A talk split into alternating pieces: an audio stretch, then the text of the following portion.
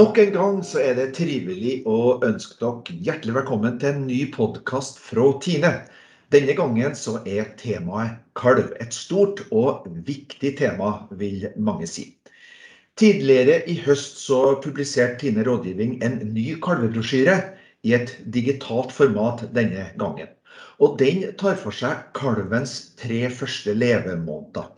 Anja Våg Skjold, god dag, god dag til deg. Hallo. Du er jo forhåndsrådgiver og en av forfatterne bak denne kalvebrosjyren. Og da lurer jeg aller først på meg, hvorfor har Tine lagt ned så vidt store ressurser i en ny og oppdatert eh, kalvebrosjyre? Eh, jo, eh, kunnskapen på kalv har jo økt. Um, og vi har jo høsta mange gode erfaringer med flinke bønder som har testa større melkemengder. Eh, vi ser jo òg at ammekalver har et enormt tilvekstpotensial som vi kanskje ikke helt utnytter i alle melkekubesetninger.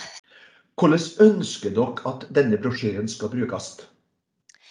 Nei, Vi ønsker vel først og fremst at det skal motivere til endring.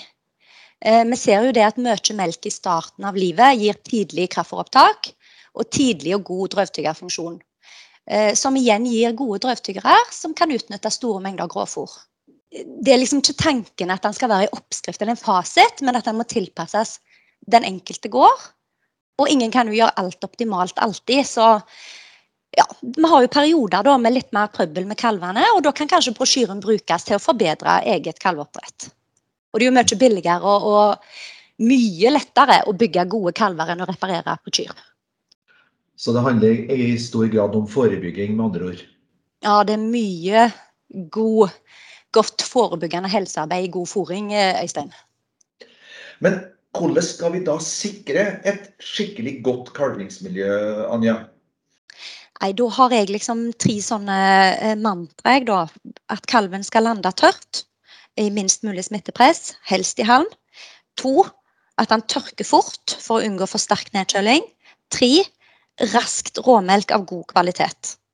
Det er liksom den derre Hvis vi klarer det, da har vi gjort en fantastisk innsats på, på en kalv. Og liksom, det viktigste tidspunktet er kalvingsdøgnet. Hvis vi kan legge inn tre timer ekstra innsats per kalv, så, er det her du skal gjøre det. De første timene. Eh, der du har størst gevinst for innsatsen din. Hva mener du med ekstra innsats, eh, Anja? Nei, Da tenker jeg jo kanskje at Kari Marie Njåstad kan fortelle hva hun gjør. For hun legger til rette for at kalvene kan ta ut vekstpotensialet sitt. Og hun gjør veldig mye riktig det første levedøgnet eh, til kalven. Hun er kollegaen min, og hun er òg melkeprodusent på Osterøy. Ja. Jeg og mannen min eh, driver melkeproduksjon i et eh, gammelt båsfjøs. Vi har et mål om at vi skal være til stede når de kalver, og prøve så langt det lar seg gjøre å følge opp der, da. Har brukt et hjørne av fjøsen til å lage fødebinge. Og prøve å få de til å kalve der, da. Så sant ikke det er fryktelig mange som kalver samtidig. Uansett om de kalver på bås eller i fødebinge, så skal kalven lande tørt og mjukt. Så vi bruker en del halm og strør i bingen eller bak de når de kalver. Eh, tørker kalven med halmen og massere den og gnikke den tørr og rein. Eventuelt la kyret sleike den, da. Eh, da er det jo De er jo veldig ivrige på å massere. Eh, fjerne halm, få vekk blod og drit og råmelksrester og alt sånt som eh, kommer med en fødsel. Eh, vi melker alltid første målet på spann, eh, og det er vi som skal gi det første måltidet til kalven. De får så mye lunker og melk de orker å drikke fra flaska. Eh, sånn stort sett er det nok mellom tre og fire liter. Ehm, og resten av døgnet får de et appetitt. Ja, nå hørte du litt hva Kari Marie hadde å fortelle. Anja, hva, hva tenker du om denne historien? Nei, dette er jo eh, fantastisk. Når kalvene kan, kan lande tørt, eh, så tror jeg kanskje det er en av de viktigste faktorene. Um, det er noe med at han kjøles ned raskt hvis han ligger vått. Uh, han er jo våt, uh, sånn at uh, vi må gjøre et tiltak for at han skal tørke raskt. Så et tørt miljø, helst med halm. Da tørker kalven raskest og unngår for stort temperaturfall. Hva med, hva med trekk og, og temperatur i, i, rommet, Anja? Altså, temperatur eh, Det er noe med God luftkvalitet er viktig uh, for kalvene. Uh, og de tåler kulde så lenge de er tørre og fôres til den temperaturen. Da. De trenger jo gjerne en 10% mer hvis de står kaldt, men de må ha en lun hvileplass. Men for den nyfødte kalven da, så er det avgjørende at du er der. At du får tørka den fort, at du, du, får opp temperaturen raskt, at du får i den råmelk raskt. Og ikke minst at den råmelka har en, eh, en, god hygienisk kvalitet. da. Nå har vi hørt hvordan du eh, gjør det de første timene etter kalving, eh, Kari Marie. Men er det ting også du kunne ha tenkt deg å, å forbedre? Ja, det er det jo alltid. Jobba litt med råmelkskvalitet. Litt sånn systematisk prøve med å måle, men det er jo kanskje ikke det vi har mest lyst til å gjøre alltid da, midt på natta når vi står der. Så der skal vi bli litt bedre. At vi systematisk måler råmelkskvaliteten. Mm. Jeg har et refraktometer som jeg måler råmelkskvaliteten min. Da, eh, da har jeg, legger, det er et sånn lite analyseinstrument som lyser et lite lys gjennom melke en skvett. Så det er et lite glass som jeg legger en dråpe med råmelk på, og får ut en Brix-verdi da, som sier noe om hvor mye immunstoffer det er i den melken. Og Jo høyere den verdien er, jo bedre er melke. Og jo mindre trenger jo da sånn sett den kalven eh, drikke for å få i seg nok mengde immunstoffer. Men hva så om råmjølkskvaliteten eh, ikke er god nok? At du får lave verdier når du, når du måler råmjølka? Nei, Det kan jo være ulike årsaker til lave verdier. Og, og, dersom det går igjen i besetningen, så bør en jo se på sinkufòringa. Men ellers er det jo sånn at gjerne lekkasjekyr de er utsatt for, for lav verdi. Eh, og òg kyr med høy ytelse, eh, altså pga. uttynning. da. Sånn at eh, det er passelig å ta ut en seks liter råmelk, maks åtte. For å, for å unngå melkefeber, men, men det tar kua liksom forsiktigere inn i laktasjonen. Men mest av alt fordi at det gir en konsentrert råmelk. Og med høyere da Brix-verdi høyere innhold av immunoglobuliner i råmelka. Vi ser vel kanskje òg at noen kviger da, har litt lavere eh, råmelkskvalitet. Eh, og gjerne hvis de har stått på beite eh, i forkant av kalving og ikke hatt så sterk oppfòring. Da kan det jo gå litt igjen. Så det er jo etter hva, hva grupper da, som eh, får lave verdier, hvor en bør gjerne endre oppdrettet sitt. Ja, og når en er i den situasjonen, så er jo et godt praktisk triks her er jo å fryse ned og melke og merke det med briksverdi, eller merke det med kvalitet, iallfall. I små porsjoner, så det går fort å, å tine. Ikke, ikke fryse ned fire liter, for da bruker du en dag på å tine. Men å fryse ned en halv og en liter og sånne litt små porsjoner, da, og så heller ta opp så mye som en trenger og tine det ganske fort. Og da hvis en har ei kvige eller et dyr med fryktelig lite råmelk, så kan en jo tine Eh, den beste kvaliteten i den mengden en trenger. Anja, jeg vet at du er veldig opptatt av hva som skjer med kalven og, og med kua, for så vidt, de første timene etter kalving. Hvorfor er det så veldig viktig? Det at kalven lander tørt mm, i et lavest mulig smittepress, eh, gjerne i halm, sånn at uh, ikke smitten kommer rett til navlen, eller at han ligger og, og slikker på i skit, liksom det at han lander i et sånt miljø, eh, er jo avgjørende for at, eh, at kalven skal holde seg frisk. At vi får han raskt tørr for å unngå for sterk nedkjøling, er jo viktig både for, for helsa til kalven, men ikke minst i forhold til opptak av råmelk. Og så er det jo det som, som går igjen og har gått igjen eh, i, i all tid. Eh, raskt råmelk av god kvalitet og, og, god kvalitet. Da tenker jeg først og fremst på hygienisk god kvalitet. At det utstyret vi melker i og, og fôrer ut, at det er rent og, og, smittefritt. Det er det absolutt viktigste. Men det er også viktig for kua, har jeg forstått? Eh, de første timene er voldsomt viktige for kua for at du skal kunne ligge mest mulig, stresse minst mulig. Leter, de leter gjerne etter kalven og kaver seg rundt i, i, flokken hvis ikke de står i en kalvingsbinge. Um, mens hvis de kan ha litt ro og fred etter kalving, der de kan ligge, slikke kalven, uh, gjerne få litt uh, ekstra vann og, og, oppmerksomhet, gjør jo at de kommer seg raskere etter kalvinga, og, og, starten på laktasjonen blir bedre. Og det vet jeg jo at Kari Marie gjør i sin besetning. Ja, vi eh, tilbyr de ganske konsekvent eh, ei bøtte, og gjerne flere. De, de, er veldig tyste rett etter kalving, så lunka vann eh, går ned på høykant, så de får drikke seg utøst på lunka vann. Bytte fôr. litt, ikke mye kraftfôr, men bare nett litt, sånn at de får fokuset på litt fôropptak etter kalving òg. Så er de raskt på beina og liksom i svingen igjen, da. Det blir ikke noe, De legger seg ikke ned og er tung å få opp igjen etter et halvt døgn. Da er de på en måte oppe og går med en gang. Når jeg hører på dere så skjønner jeg det at eh, det å komme riktig ut fra hoppkanten, for å bruke en litt forslitt metafor, det er særdeles viktig. Og, og det at du kommer godt ut fra hoppkanten og har en god situasjon de første timene etter fødselen. Hva vil det ha å si for resten av livsløpet til, til kalven og, og senere kua eller oksen, da, Anja? Nei, Mye melk i starten eh, gir jo en robust kalv. Eh, og det er god forsikring at tåler bedre annen påkjenning i livet. Eh, avhorning, smittepress, parasitt smerter, trekk osv. Så, videre. så jeg, jeg, er veldig fan av den derre eh, forsikringen, da. Med en god start. Eh, og òg en høy melkemengde i de første ukene eh, av oppdrettet. Jeg foretrekker jo òg helmelk de første ukene i, i, oppdrettet. Men så vet jeg jo det at uh, det finnes uh, en god del som, som mener at uh, du kan gi kalven for mye mjølk. Hva tenker du om det, Kari Marie?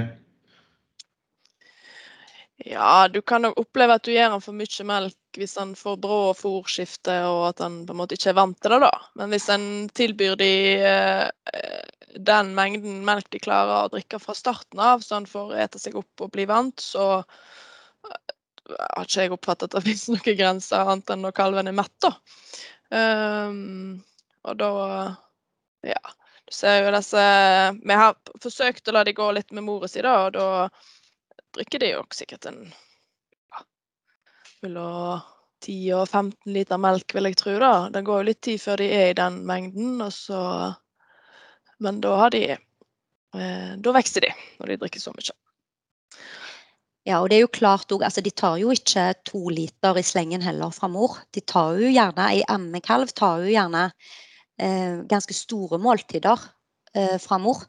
Så jeg tror ofte det er lurt å se litt til naturen. Eh, og, og løpene er jo veldig elastisk.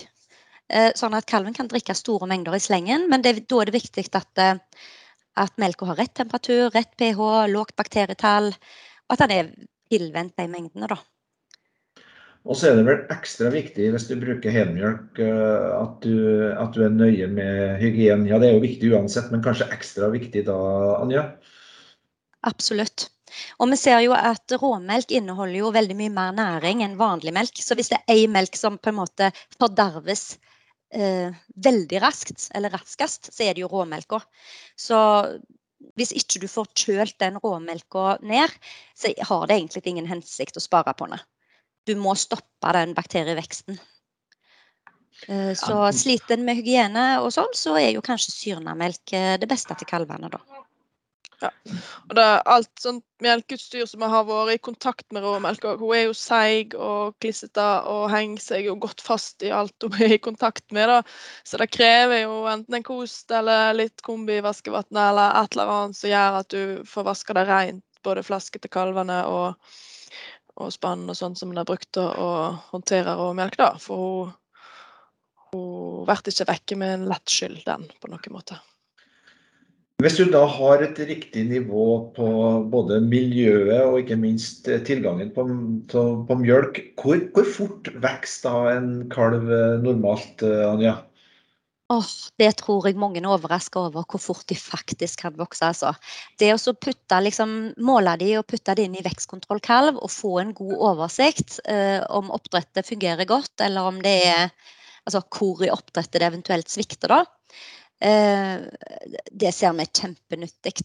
Og ulike besetninger har ulike utfordringer. Og, og vi ønsker jo gjerne at kvigene skal vokse over 900 gram per dag i melkeforingsperioden. Og oksene kan jo bare med fordel vokse enda mer. Så nei, de, bare se på en ammekalv, så ser du hvor mye de faktisk kan vokse. Hvordan er situasjonen i fjøset ditt? Er det, er det eksplosiv vekst, eh, Kari Marie? ja, nett, nå er det det. Eh, nå i høst har vi ikke så veldig mange kalver, så nå får de gå litt lenge med mor, da. Så de eh, vi hadde nett en uh, oksekalv som gikk tre uker med mor si, og når dyrlegen kom og skulle avhorne den da, litt etter det, så ville ikke han avhorne den, for han var så stor at han mente han var for gammel.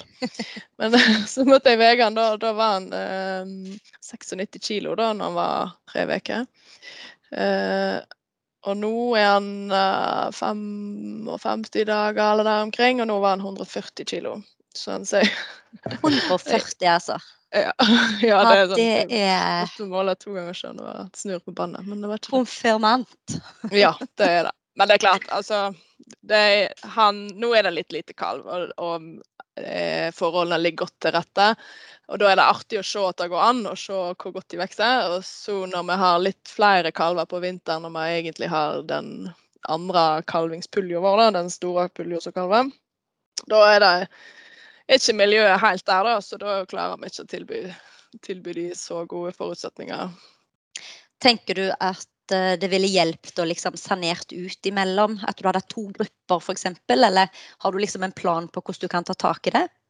Ja, vi forsøker jo på en måte da på vinterstid når den store kalvingstoppen er, da, så forsøker vi å ha forskjellige grupper. Eh, fjøsen er jo selvfølgelig som det ofte er, litt liten og litt mange dyr, så det blir jo Vi har noen ute i en rundbuhall, og vi har noen på låven og litt sånn, så vi prøver jo å holde de i forskjellige grupper og, og uh, tilpasse fôringen etter den gruppa de hører til i aldersmessig og rasemessig. Vi har en del jersier, så de må få en egen behandling, de da.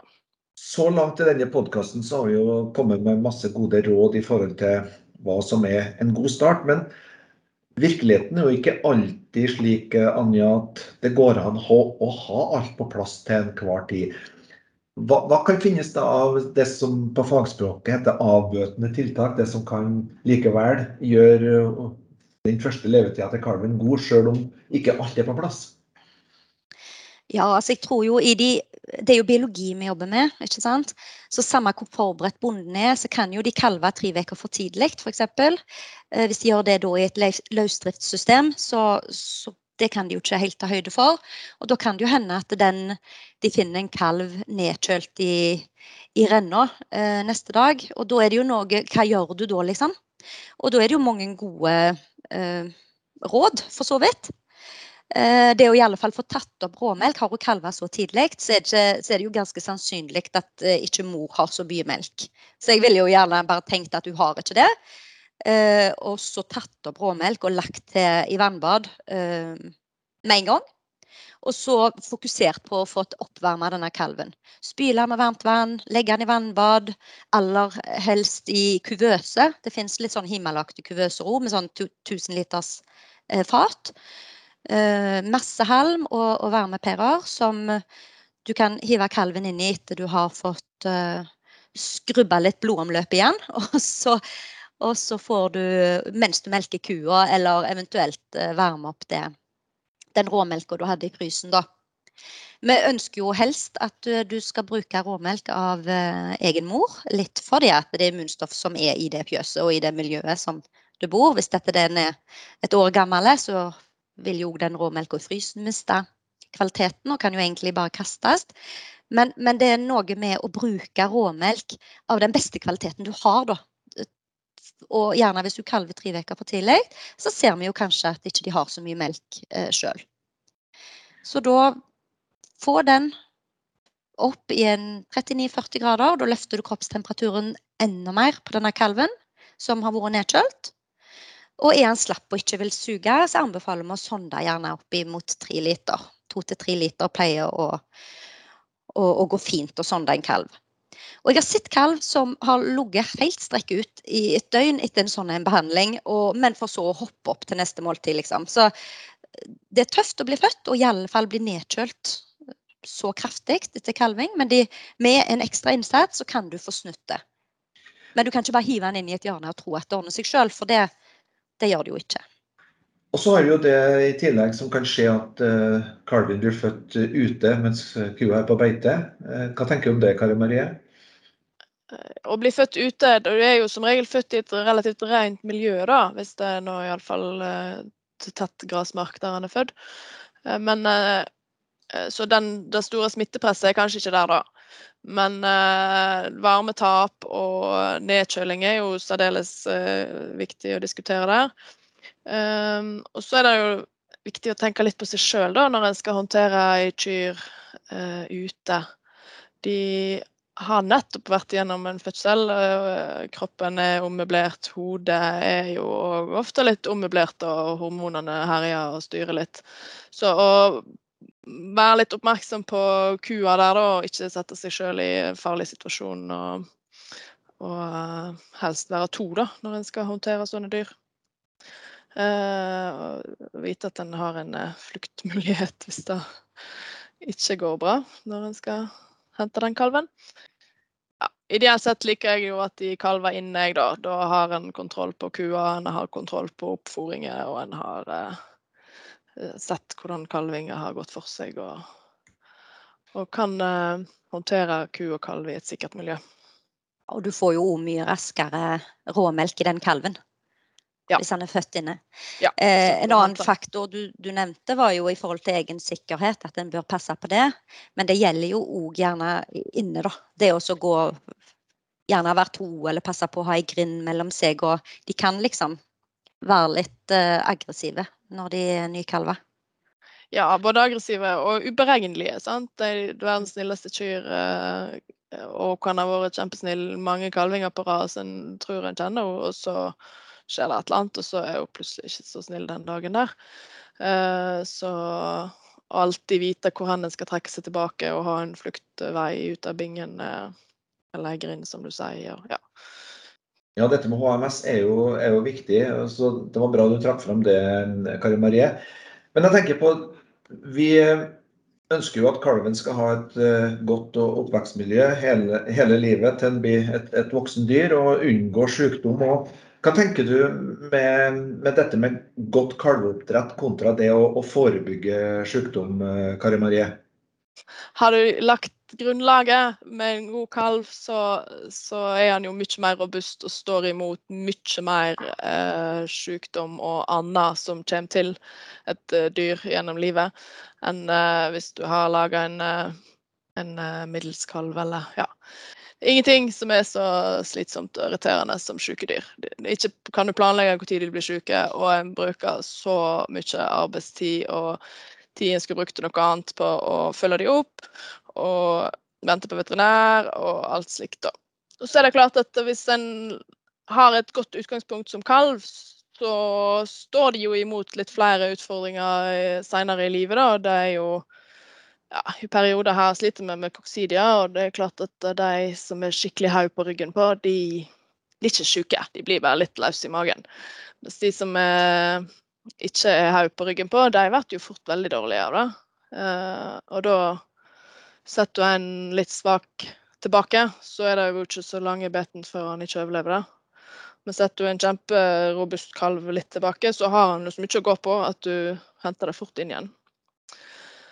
Eh, og for oss som har eh, vårfødte kalver, så skal de jo rett på beite. Sant? De er jo knapt tre måneder før de skal ut.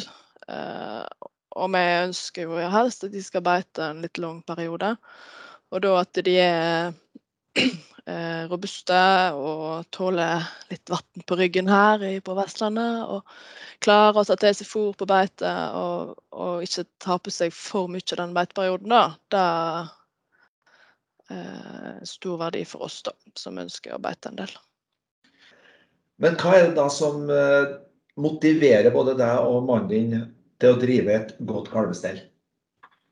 Hovedmotivasjonen for et godt kalvestell er jo friske kalver som vokser godt. Og det å kunne gå i fjøsen og se på de der eh, tjukkasene, de ligner litt på en gris som står i bingen, det er jo på en måte hovedmotivasjonen. Se at uh, at de vokser, se at de er friske og i trivnad.